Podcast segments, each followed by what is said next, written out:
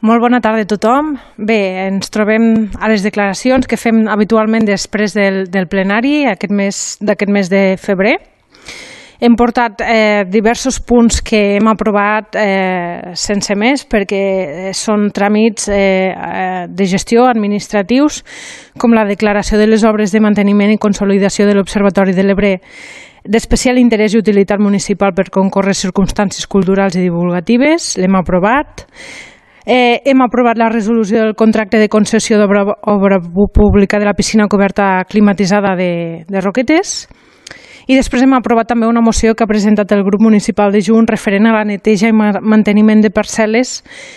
perquè, clar, tenen raó. Hi ha diverses, diverses parcel·les aquí a Roquetes que fa falta, sobretot la parcel·la que hi ha contigua al CAP, que tot i ser privades, pues, l'Ajuntament té una responsabilitat eh, que ha de fer valdre no? respecte a la, a la neteja i manteniment d'aquestes parcel·les i per això hem votat a favor. Després, eh, i punt important, i aquí sí que m'agradaria explayar-me una mica més perquè crec que requereix les explicacions pertinents, s'ha portat a aprovació l'establiment del Servei Públic de la Llar d'Infants, la Caramella i el seu reglament regulador. És un punt important en el qual des del grup municipal dels socialistes hem manifestat el vot desfavorable i m'agradaria explicar-vos els motius. Com a polítics d'esquerres i progressistes que som, volem vetllar o hem de vetllar per la implementació de polítiques públiques que garanteixin els drets de la ciutadania i la igualtat entre ciutadans i ciutadanes. El dret a l'educació és un d'ells i concretament en l'etapa educativa 0-3 anys no s'havia apostat encara per aquest servei públic aquí a Roquetes. Fa molts anys que des del nostre grup eh, defensem la necessitat de la creació d'una llar d'infants pública i ara l'equip de govern d'Esquerra Republicana ha decidit implementar el projecte per aprofitar una ajuda, una subvenció que ens arriba dels fons Next Generation. Sempre hem pensat que hi ha projectes com este que són capdals per a la transformació dels municipis i que han de ser objecte de debat i consens per part de totes les formacions polítiques, a fi de remar tots i totes en la mateixa direcció, transcendint els interessos partidistes. Això és el que hem fet des del PSC des del principi, intentant dialogar i fer propostes, també ara en el tema de la llar d'infants, amb la finalitat d'arribar a un consens, amb la finalitat de fer política útil i aportar el millor de cadascuna de les parts, però malauradament no, no ha estat possible. Ens hem topat amb un govern que aplica el diàleg, però la recerca de consens no. El projecte de la llar d'infants és un projecte, ja ho hem dit en, en nombroses ocasions, que ha nascut condicionat a les presses de complir amb els terminis. I en conseqüència ens trobem en una aprovació del reglament també molt marcat per les presses. I clar, tant d'anar a correcuita, no hi ha temps per a valorar aportacions que no siguin les del propi govern. És un model amb el qual no hi estem d'acord i, cre i creiem que va en detriment de la qualitat en les polítiques públiques que es porten a terme. I hem de dir, en aquest cas, i molt al nostre pesar, que no hi ha consens en el reglament de la llar d'infants i en coherència en això hem decidit eh, votar desfavorablement han adequat el model del reglament ofert pel Departament d'Educació. És que realment és un model marc, però no s'han atrevit a fer modificacions que acotessin millor la població diana del servei de la llar d'infants tenint en compte les desigualtats socials. Volem remarcar aquí que el document marc és un document ampli, general, per a donar lloc a que cada municipi faci les aportacions necessàries i ho ajuste a la seva realitat. I és aquí on nosaltres creiem que eh, des de la voluntat política s'hauria pogut eh, aprofundir més en aquesta realitat i en aquestes desigualtats. S'haguessin pogut introduir punts de millora o d'ampliació d'aquest servei. I és que ens trobem en un reglament que discrimina negativament les persones en condicions socials i econòmiques més desfavorables en quant a l'accés al servei, prioritzant la proximitat geogràfica o el tenir germans o germanes estudiant al mateix centre, per davant de la necessitat o la vulnerabilitat socioeconòmica, agafant com a únic indicador el cobrament de la, de la, eh, per la unitat familiar de la renta garantida de ciutadania. Està comprovat que aquesta renda garantida de ciutadania només arriba a un 8% de les persones en risc de, de pobresa. No podem donar l'esquena a la realitat. Segons l'última enquesta de l'IDESCAT, la població catalana en situació de risc de pobresa o exclusió social arriba al 24,4% i va pujant. I també, segons les dades, hi ha famílies en situació de pobresa o exclusió social que no reben ajudes en forma de renda o ingrés. La nostra proposta era la d'incloure aquelles famílies que, a banda de la renta garantida de ciutadania, cobren l'ingrés mínim vital i incloure el, en el barem per a aquelles persones que, com ja he dit, quedaven fora d'aquests supòsits. Augmentar-ne la puntuació a fi d'equiparar-la en sentit de prioritat. També és veritat que en quant a la localització geogràfica tampoc es té en compte eh, la xarxa de suport familiar que poden representar els iaios o les iaies que sí que viuen a Roquetes i que eh, moltes vegades són els qui eh, es fan càrrec en determinats moments dels infants. Un altre dels punts en els quals no hi estem d'acord és en l'oferta del servei de Carmanyola. Creiem que és poc ambiciós en l'oferta de serveis vinculats a la llar d'infants, com és el servei de menjador, optant directament per aquest primer servei de Carmanyola.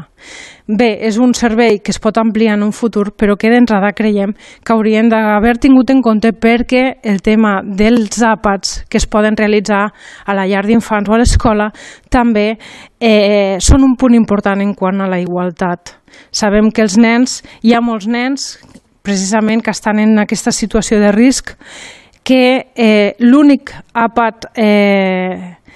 en condicions que fan eh, al dia és la part que fan a, a l'escola, no? I, i era una oportunitat molt clara d'incidir en aquest aspecte, sense tenir en compte el fet de treballar el fet de l'alimentació amb els infants, oferir una alimentació sana, equilibrada i també el fet de, de no patir en, en, en, en l'acte de l'alimentació el tema de les comparacions i les desigualtats en quant a les possibilitats alimentàries de cada, de cada família. Bé, eh, i dit això, eh, també un altre dels punts que creiem important és el fet de que es contempli que als dos mesos d'impagament de les mensualitats de la, de la llar d'infants s'expulsi directament a, a l'infant de la llar d'infants. Aquí eh, creiem que és necessari fer una diagnosi, tocar la porta de les famílies, veure la seva realitat, veure què és el que passa en aquelles llars i, en tot cas, des de l'Ajuntament, des dels serveis socials, posar les mesures que solventin això abans de contemplar el fet de fer fora l'infant de la llar d'infants. Perquè, clar, eh, els hem de protegir els infants i hem de protegir el seu dret a l'educació i d'això es tracta, no? de fer polítiques que protegeixin aquests drets i de que protegeixin també els infants, sobretot. Davant d'això, eh, i com és habitual, davant la, el vot desfavorable o el vot en contra per part del grup socialista, el govern ha respost, com sempre, eh, fent al·lusions a mm, actuacions que s'han portat a terme des de la política general doncs des de fa 15-20 anys, eh, que és deslocalitzar la problemàtica i el debat que estem tenint avui en el plenari i, com no, eh, bé, mm, inclús arribar a explicar algunes algunes coses que, que, que real, realment no són veritat. I és que finalment et fan posar seriós i aquí m'agradaria, ja per acabar, eh, fer algunes puntualitzacions o contestar algunes de les coses que s'han dit des de l'equip de govern, ja sigui el regidor Siscoller o l'alcalde de Roquetes. Vull aquí remarcar que en cap moment des del grup socialista hem posat en dubte i de fet valorem la feina que han fet els tècnics per elaborar aquest reglament, però sí que és veritat que la nostra feina era dialogar amb l'equip de govern i tindre una incidència com a polítics com són en, la, en, en les polítiques que es contemplaven en aquest reglament que és adequat des del punt de vista tècnic, però a nivell polític eh, ni busca el consens amb nosaltres ni creiem que és del tot inclusiu. De fet, creiem que és fortament discriminatori en alguns aspectes, com ja, ja he explicat. Se mos, ha, se mos ha preguntat quantes vegades hem parlat amb els tècnics i, i la veritat és que amb qui hem parlat ha sigut amb el propi alcalde i amb la regidora de l'àrea per posar sobre la taula eh, aquests punts, aquestes propostes que nosaltres volíem fer. El fet de que es posi en dubte de que ens haguem dirigit al govern eh, ens fa remarcar, i aquí ho, ho vull explicar clarament que sí, que ens hem reunit i que hem intentat fins a l'últim moment eh, fer que aquests punts es tinguessin en compte no? i fer les, les adequades modifica, modificacions d'aquest reglament en base a la recerca de consens. No ha estat possible, se'ns ha tancat la porta, no hi ha hagut realment voluntat política d'això i una altra de les, de les preguntes que ens han llançat ha sigut quants municipis segurament de les nostres terres governats pel PSC estan treballant en aquest mateix reglament. I jo els vull d'aquí contestar que segurament molts, basats en el document marc, però amb les precisions que cada ajuntament vol incloure. Sense anar més lluny, eh, aquí al costat mateix tenim l'Ajuntament de Tortosa, que també es basa en el mateix document marc, però ha inclòs eh, unes clàusules que tenen en compte les dificultats socioeconòmiques de, de les famílies. I bé, eh, al final hem acabat al mateix, al mateix tema i, i aquí eh, se m'escapa el somriure, però no, no, no fa riure realment que al final acabin recorrint al tema de la piscina municipal per a justificar que durant 16 anys o més aquí no hi ha hagut una llar d'infants eh, ens sembla realment lamentable. Mm, els socialistes, com ja he dit, fa més de 16 anys que no estem al govern. Estem a l'oposició intentant que se'ns escolti, fem valer els vots d'aquelles persones que van depositar en el nostre projecte i en nosaltres la seva confiança i s'ha de tindre clar que el PSC eh, no regala aprovacions, no regala vots, volem poder incidir, volem poder negociar, pactar i arribar en aquest consens que ara per ara se mos està negant. Des d'aquí donar les gràcies a, a totes les persones que ens segueixen i bé, per últim, ja abans d'acabar m'agradaria Eh, L'últim punt que hem realitzat al, al plenari és el tema dels pregs. El, a la, al moment dels pregs i preguntes al govern eh, hem fet dues preguntes que van encaminades a, a l'àmbit de la salut, que fan referència al Departament de Salut. Una és la necessitat de disposar de més cadires de rodes al CAP per a la gent que aparca i té problemes de mobilitat, que no es pot desplaçar correctament o senzillament no es pot desplaçar, que pugui tindre una cadira de rodes per a eh, assegurar l'accessibilitat al nostre CAP. Ens han contestat que, que bé, és una demanda que ja han, han elevat al departament. I l'altra, i finalment l'últim prec que han portat a terme, ha estat un prec pel que fa al consultori de, de la Ravaleta, de la Raval de Cristó. Bé, anem veient com eh, els horaris dels consultoris de la, de la Raval de Cristo són molt irregulars, són horaris tres o quatre dies que no tenen, una, no tenen fixada un, un, no tenen fixat un horari i moltes vegades per no dir quasi sempre, la forma de comunicació d'estos horaris és a través de xarxes, ja sigui WhatsApp, ja sigui Bando,